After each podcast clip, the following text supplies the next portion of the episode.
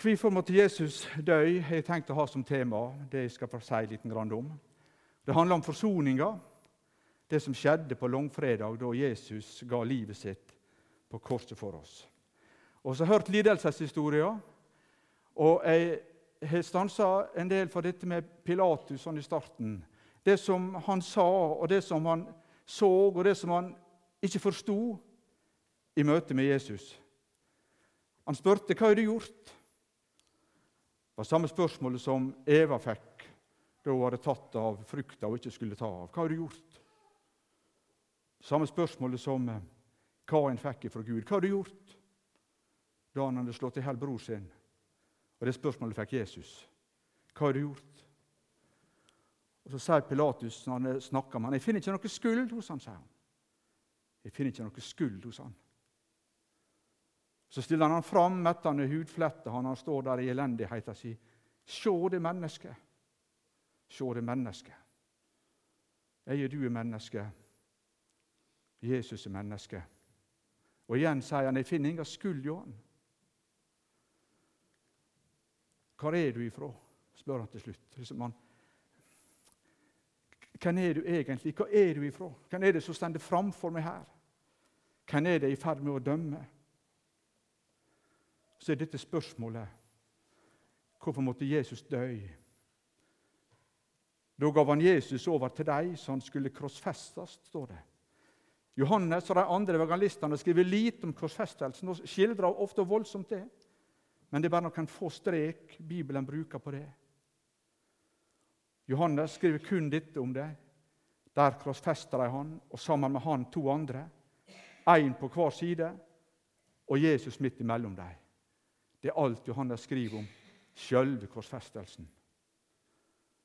Og Så la oss oss dette siste. Da Jesus hadde fått eddikvin, sa han, 'Det er fullført.' Og han bøyde hovedet sitt og anda ut.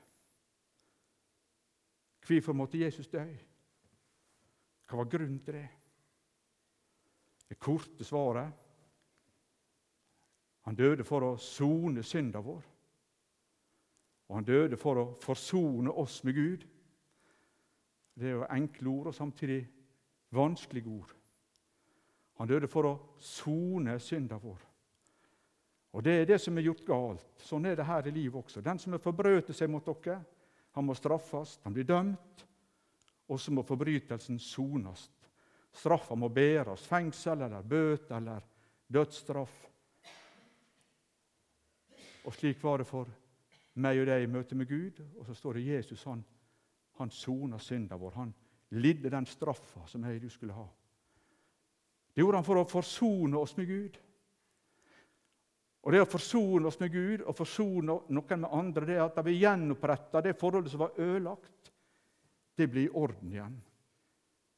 Det blir gjenoppretta, for det, det som sto i veien og skilte, det, det er fjerna. Og så er det fred mellom menneske og Gud. Derfor måtte Jesus dø. Men forsoninga, Bibelens forsoningslære Nå er det mange forsoningslærer opp gjennom kirkehistoria. Mye kan sies om det. Det vil jeg ikke komme inn på nå. Men jeg har lyst til å skissere noe av det som er Bibelens lære om forsoninga. Og den har en mørk bakgrunn i Bibelen vår.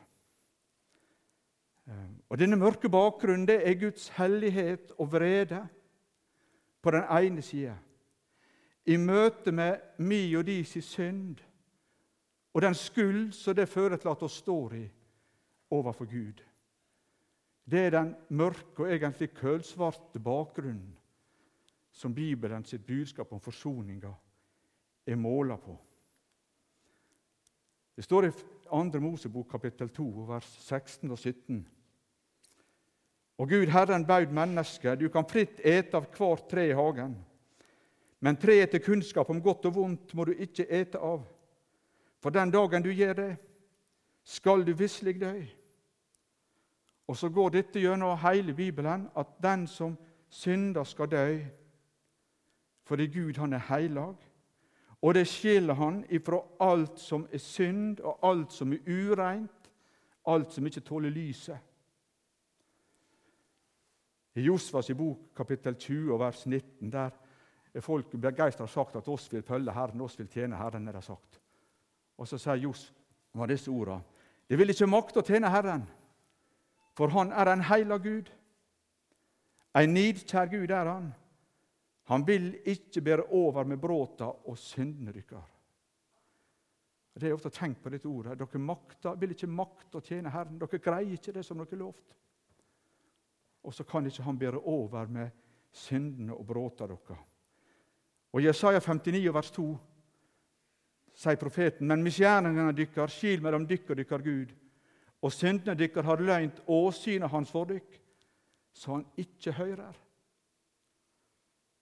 Synd og skuld i møte med Gud fører til det at det blir et forhold som blir ødelagt, og Gud skjuler seg og gjemmer seg og kan ikke lenger ha kontakt. Den som synder, skal dø. I Josfa 7 står det da de hadde gjort noe galt. Da låga Herrens vreide opp mot israelsborna. Og I Hebreabrevet 10 vers 31 står dette ordet. Det er forferdelig å falle i hendene på den levende Gud.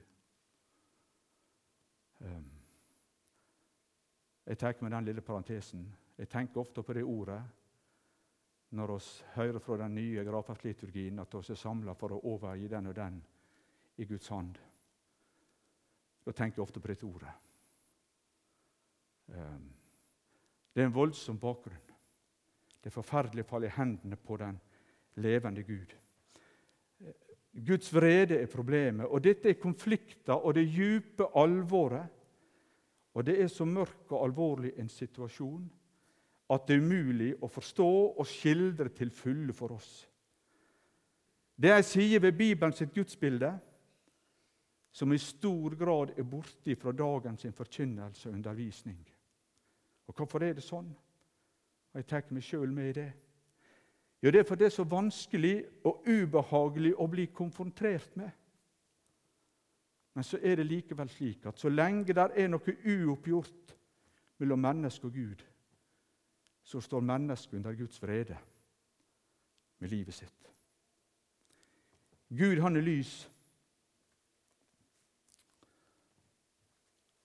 Og han er heilag. Og han er rein og fullkommen i en sånn utstrekning at jeg og du ikke makter å fatte det. Der er ingen skugge hos han. Oss kan tenke på lys her inne. Det er lys her inne, men her er også skugger. ikke sant?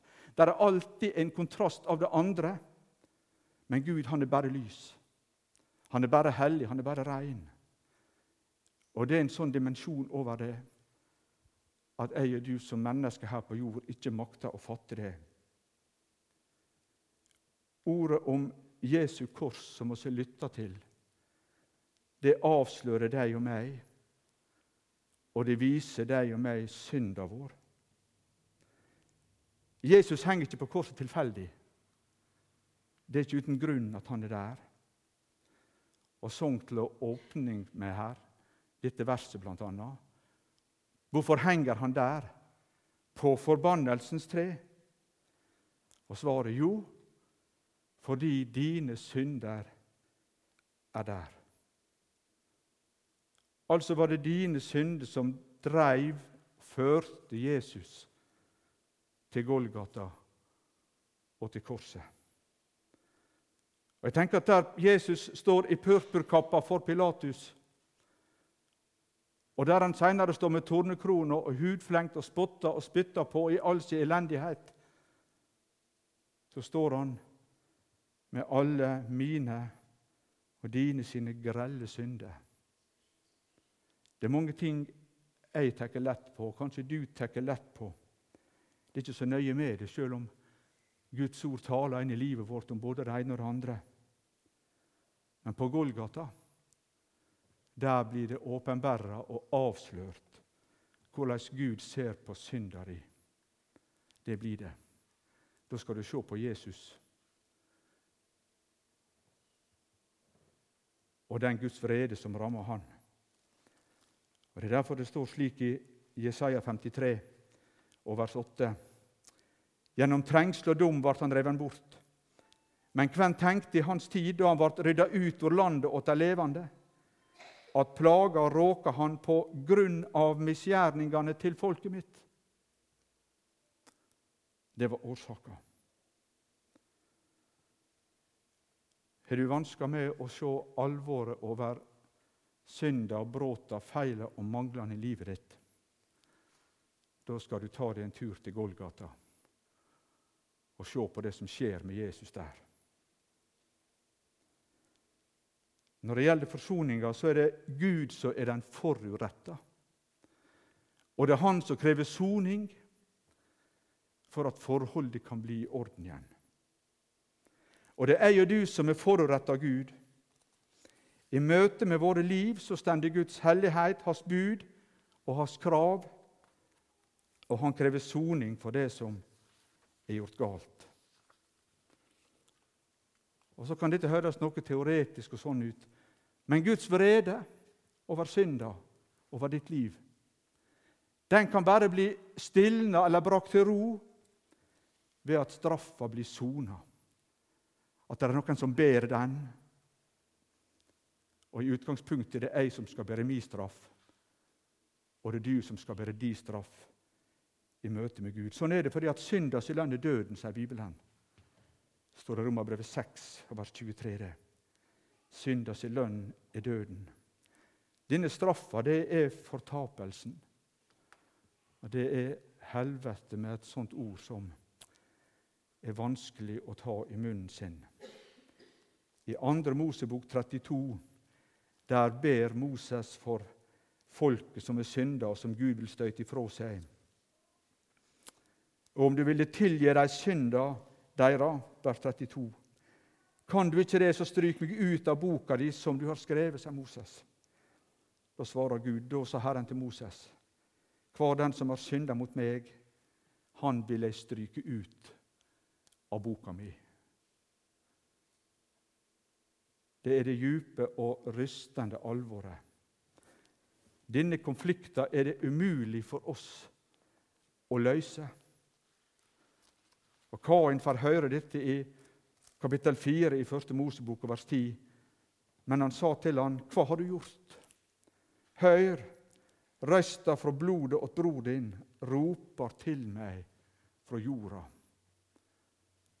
om vrede og straff og soning. Dette er forsoninga sin bakgrunn i Bibelen. Hvorfor det er nødvendig at Jesus dør. Og Det store budskapet er at Gud griper sjøl inn, og så forsoner han verden med seg sjøl. Det er mange sider ved Gud, og en av dem tenker er at han er for oss på en måte ubegripelig. Det er noe som ikke greier å fatte i hans storhet og i hvem han er. Og Dette med Guds vrede og Guds kjærlighet spilt opp imot hverandre, og som står der samtidig, det er en sånn sak. Gud er en vred Gud over synd, og samtidig er det kjærleik. Han hater synda og har vrede mot alt og alle som står han imot. Og samtidig så elsker Gud verda og mennesker han er skapt, med en brennende kjærleik. Midt i det at han hater synda og ikke kan tolerere den, så takler han samtidig ikke tanken på å skulle miste deg. At du skulle bli borte for han. Og så griper han sjøl inn i vår si håpløse. Det handler ord om Jesu kors om. Romerbrevet 8, vers 3. For det som var umulig for lova, for det å være maktleis pga. kjøtet, det gjorde Gud da han sendte sin egen sønn i syndig kjøtts likning og for syndas skyld, og fordømte synda i kjøtet. Sånn kortere enn det sånn enkelt. Det som var umulig for meg og deg. Da veiene var stengt, da forkynner ord om korset at det gjorde Gud. Det gjorde Gud. Så har dette noen forbilder i Det gamle testamentet. Og Jeg tror vi er nødt til å ta oss en tur dit. En dag så sto Johannes døperen og pekte på Jesus som kom gående, og så sier han, Se der er Guds lam, som bærer verdens synd. Det forsto de som hørte det, de, eller de forbandt en del ting med det, rettere sagt. De tenkte på påskelam i Det gamle testamentet, som måtte la til livet, og blodet som ble strøket på tverrbjelken og på dørkarmene utenfor huset der jødene var, slik at dødsengelen gikk forbi fordi at de var tatt liv før, blod var utrent. Straff var sona. Og så tenkte de på den store forsoningsdagen som vi leser om i 3. Mosebok, kapittel 16. Den ene dagen da øverstepresten med blod skulle gå inn bak forhenget og stenke det på nådestolen. Eh, inne der, bak forhenget, så sto det ei kiste av akasjetre kledd med gull, med et løk av gull oppå, soningslåk eller nådestolen. Og under dette låket der lå lovtavlene fra Moses, som ropte om Guds vilje og egentlig ropte om Guds straff over synd og bråt mot disse buda som sto på tavlene. Inn der skulle øverstepresten gå, med blod som skulle skvettes, tømmes ut på denne nådestolen, til et vitnesbyrd om at det var fullført soning, det var betalt for bråta mot lova som lå under. Og det lå der også som et dekke over krava og buda som folka ikke kunne stå seg imot. Vers 15 og 16 i 3. Mosebok 16 står det sånn. Han skulle, altså ta, han skulle også ta seg ut to bukker denne dagen, som skulle brukes til to forskjellige ting. Og den første bukken, Deretter skal han slakte den bukken som skal være syndoffer fra folket, og bære blod av bukken innenfor forhenget. Han skal gjøre med blodet av bukken slik han gjorde med blodet av oksen, og skvette det på nådestolen og framfor nådestolen, som vi ser på bildet. Slik skal han gjøre soning for helligdommen og rense ham for uregnskapen til israelsbarna og for alle lovbruddene som de har gjort seg skyldige i. Så var det en bukk til. Den skulle ikke drepes der og da. Den skulle øverstepresten legge hendene sine på. Og så skulle han bekjenne folket sine synder og være høyde på denne bukken. Og så skulle han føres ut med all synda og skulda som var lagt på han, bort fra leiren, ut i øydemarka, langt, langt vekk. Og så leser om det i vers 21 og 22 i samme kapittel.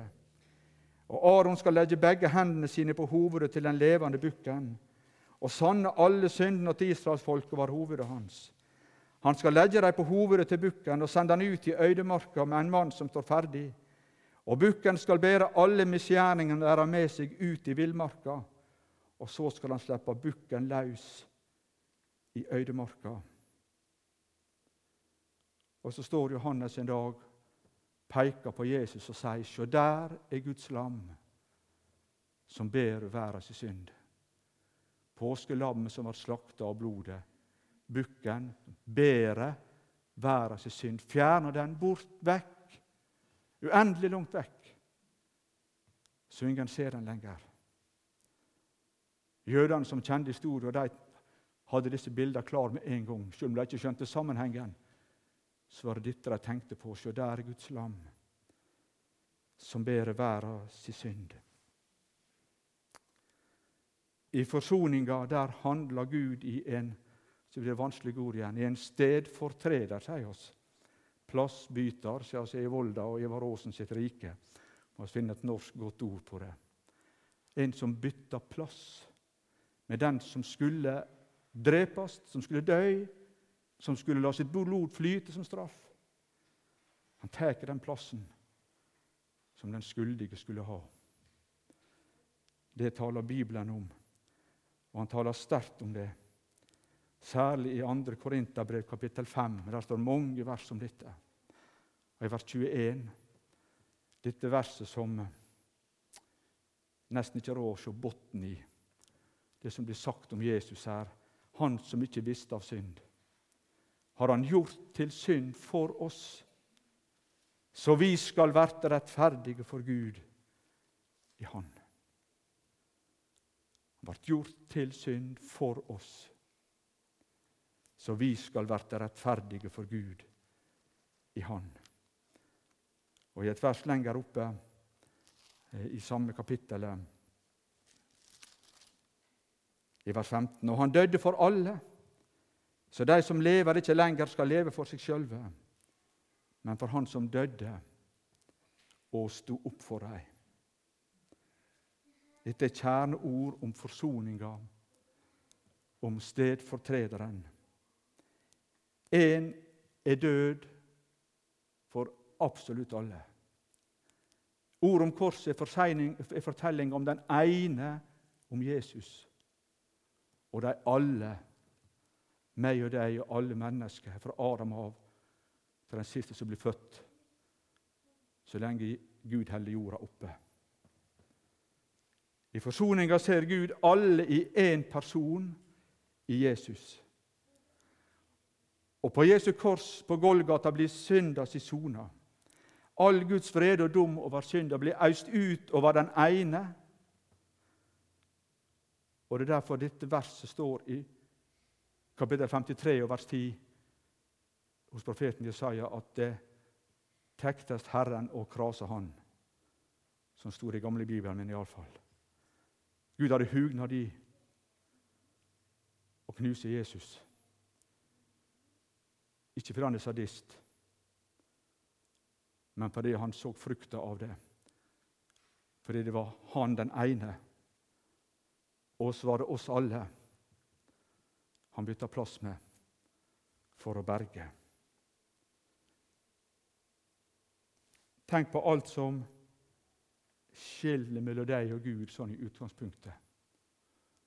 All synd og all skuld. Alle forsømmelsene. Alt som kunne vært gjort annerledes, tenkt og sagt annerledes i forhold til Guds bud.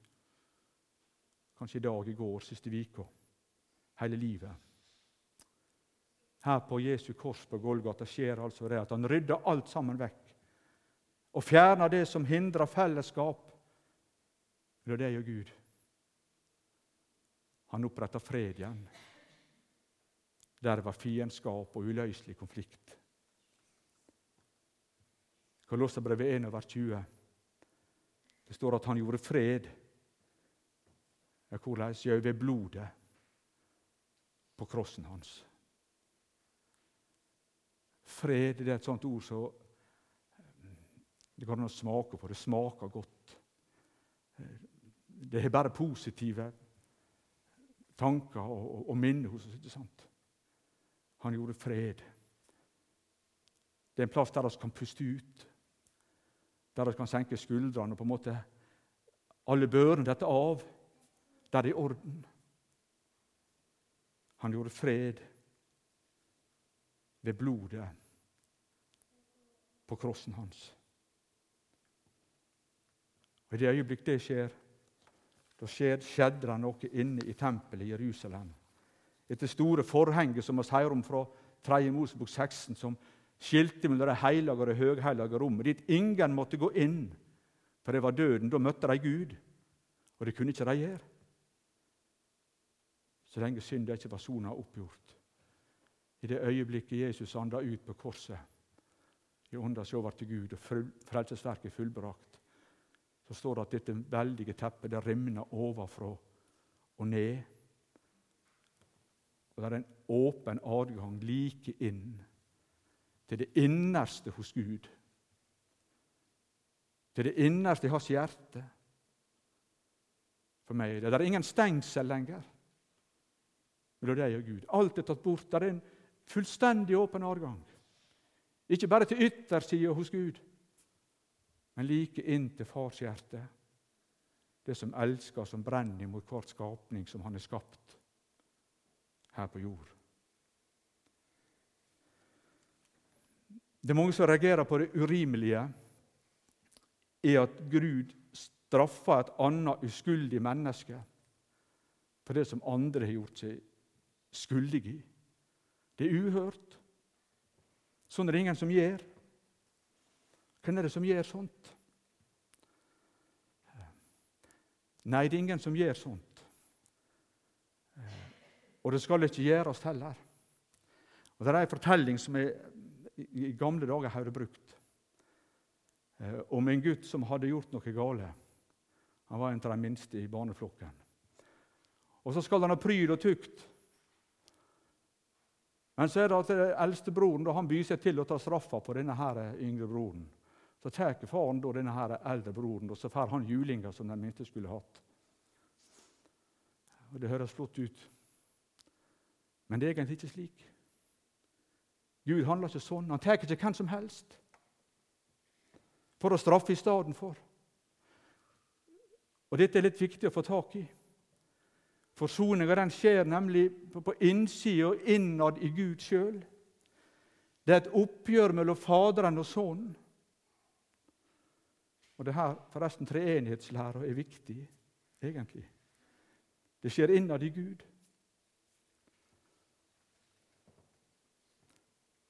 Det er et oppgjør mellom Faderen og Sønnen.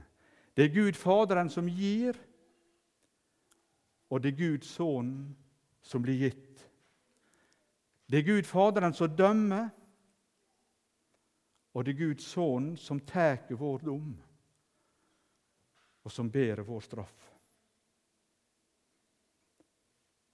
I Romerbrevet 8, vers 32 står dette bibelverset om Gud. Han som ikke sparte sin egen sønn, men gav han for oss alle. Eh, det er så innholdsmetta fra hva slags synsvinkel du ser det ifra. Og der ligger noe litt, han, han kunne holdt tilbake. Han kunne spart. Men så står det 'han som ikke sparte'. Du ser for deg han slipper taket. Og så ga han han for oss alle. Slik skriver Paulus. Hva har han dette bibelordet fra? Hvorfor bruker han dette uttrykket? Har du tenkt på det noen gang? Ja, han henter det fra Abraham-fortellinga. Når Abraham fikk beskjed om å gå til Moria berg og ofre sønnen sin, den eneste, Isak, på et alter der. Jeg skal vise deg plassen, sa han. Ehm, og så er det en av de mest gripende fortellingene i vår. Samtalen mellom Abraham og Isak når de går dit. Og Abraham som sier at Gud skal sjøl skyte offerlammet. Når Abraham spør her er kniven, her er elden, her er veden, men hva, hva er lammet hen? Så sier han Gud skal sjøl se seg ut offerlammet. Så kommer de fram. Og Så legger Abraham Isak på veden på alteret, så løfter han kniven. Og så roper Herrens engel, legg ikke han på gutten, og gjør han ikke noe. For nå veit jeg at du Otters Gud, så kommer ikke uttrykket siden du ikke har spart sønnen din, den eneste for meg. Og Det ordet er det Paulus bruker i Romerbrevet 8. En forferdelig fortelling, syns mange. Abraham-fortellinga når han ofra Isak. Gud setter Abraham på prøve. Det er vel sånn han handla med alle fedre, da, tenker mange, når han gjorde sånn med Abraham. Nei, det er ikke sånn han handler med alle fedre.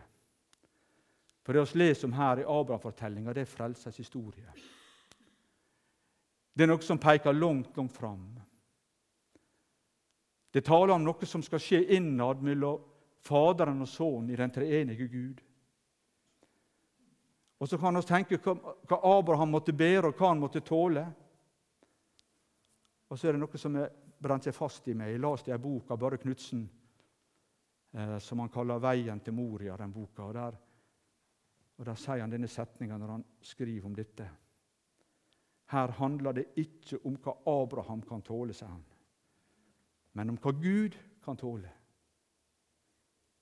Så peker det rett på Faderen og Sønnen i forsoninga.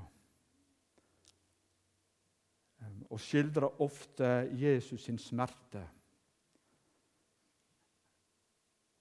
Når vi leser lidelseshistorie og tenker på påske og det som vi las fra Johannesevangeliet.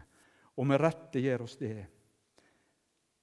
Men det er noe som jeg har tenkt mye på når jeg satt med dette her. Og det er dette. Var det noe mindre smerte og noe mindre pris for han som ga, enn for han som ble gitt? Var det noe mindre smerte for Faderen, som ikke sparte, men gav sønnen sin for at jeg og du skulle gå fri? Nei, det var nok ikke det. Oss som sjøl er fedre, kan bare ane noe av det. Hva det koster for fars hjerte å slippe taket og gi han for oss alle. Og så er Jesus smerte ikke bare den ytre, synlige smerten, men det er dette som han ropte. Han som alltid hadde kalla Gud for far, og som sa det 'Far, i dine hender gir vi meg ånd'. Men midt i de mørke timene på korset så er det borte, og sier 'Min Gud, min Gud, hvorfor har du forlatt meg?'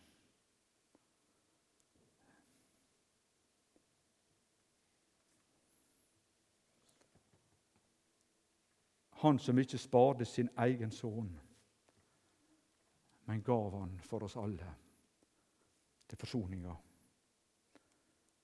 Isaiah 53. Men han ble såra for våre brudd, knust for våre synder. Straffa lå på han så vi skulle ha fred. og ved hans sår har vi fått lækedom. Budskapen om forsoninga, det er ord om korset. Det er budskapet om omkostningene, hva det koster å kjøpe meg og deg fri. Det er det som taler om prisen for din frelse og prisen for livet ditt. Og dette er selve evangeliet sitt hovedbudskap. Så tenker jeg at oss taler visst mye om nåde, om tilgivelse, om Guds godhet. Det blir ofte platt og uten det store inntrykk. Og kanskje høres det med en gjesp. Og tale om det med en gjesp også. Er det fordi vi har glemt bakgrunnen? For Gud tilgir nemlig ikke synd uten videre. Gud, han er nådig og tilgir syndene dine fordi prisen er betalt. Fordi det er fullført soning for det. Det er noen som har lagd alle summene på bordet for at Gud skulle kunne møte deg med nåde og sette strek over skuldbrevet ditt. Det er gjort opp for deg. Berthe Kanutte borte i Ørsta hun sang slik.: Du gikk for meg en blodig sti og jeg som skyldig var, slapp fri. Guds vredeskål du tømte ut, så dyrekjøpt er jeg din brud. Og Det er dette som er det ufattelig store i evangeliet. Det koster Jesus alt, absolutt alt, fordi han elsker deg, og han elsker meg. Det er selve i evangeliet. Og sang de i stad og la aldri noensinne korsets tre meg gå av minne som det frelsens første bar. Men la kors og død og smerte tale, rope i mitt hjerte hva min frelse kostet har. Det er budskap om prisen og om kostningene. Og det er her oss blir på en måte så små og så hjelpeløse i oss sjøl ved Jesu kors. og samtidig så uendelig rike. Og så fullkomment frikjøpt. Det er ordna så fullstendig og betalt for meg hos Gud. Og for deg også. Han gjorde fred med blodet på krossen hans. Og Det vil jeg si en liten grann ting til. At ordet om Jesu kors det åpenbærer menneskets verdi. Og Jeg vil bruke et så sterkt uttrykk. Ikke bare vise menneskets verdi, men det, det drar et forheng til side. Det avslører det for oss som oss virkelig får se det. Den verdien som det enkelte mennesket har, og som du har, hver enkelt av oss fallen i synd, som Adam, vår jordiske stamfar. For noen minutter siden så sa jeg at vil du se synda di og elendigheta di, og hvor galt det egentlig er stelt med deg, da skal du møte opp under Jesu kors på Golgata. Hvorfor henger han der på forbannelsens tre? Jo, det er fordi at syndene dine er der. De får du se der. Ehm, det ribber deg og tar ifra deg alt du egentlig har å fare med overfor Gud. Men nå sier samtidig Vil du se din grenseløse verdi, og hvor dyrebar du er overfor Gud, hvor høyt elsker du av Han, hva du skal møte opp ennå? da? Ja, Da skal du møte på samme plassen, under Jesu kors på Golgata. Ja, hvorfor henger han der på forbannelsens tre? Hvorfor vil han det? Hvorfor i all verden vil han det? Kunne han tenke seg det? Jo, det er fordi at det var dine sine synder som var der. Du som er elska. Du som på en måte han ikke kunne miste, men som han måtte få tilbake igjen til seg. Det er evangeliet. Da er synd og skuld tatt bort fra deg, og de er lagt på Jesus i stedet. Martin Luther skriver om dette i en av pasjonspreikene sine. Ja, av alle Luther sine preiker jeg leser, er det den som har gjort sterkest inntrykk på meg. Det må jeg si. Det er fra skjærtorsdagspreika hans om Jesus i Getsemane, der han skildrer hvordan Jesus ligger knuga mot marka, med ansiktet ned, pressa ned. Hvorfor ligger han sånn, spør han. Hvorfor er han knuga så ned til bakken? Klarer ikke å røyse seg. Ja, det er fordi at all synda di og skulda di er tatt vekk ifra deg, og så er den, er den lagt på Han. Det er det som tvinger han sånn ned.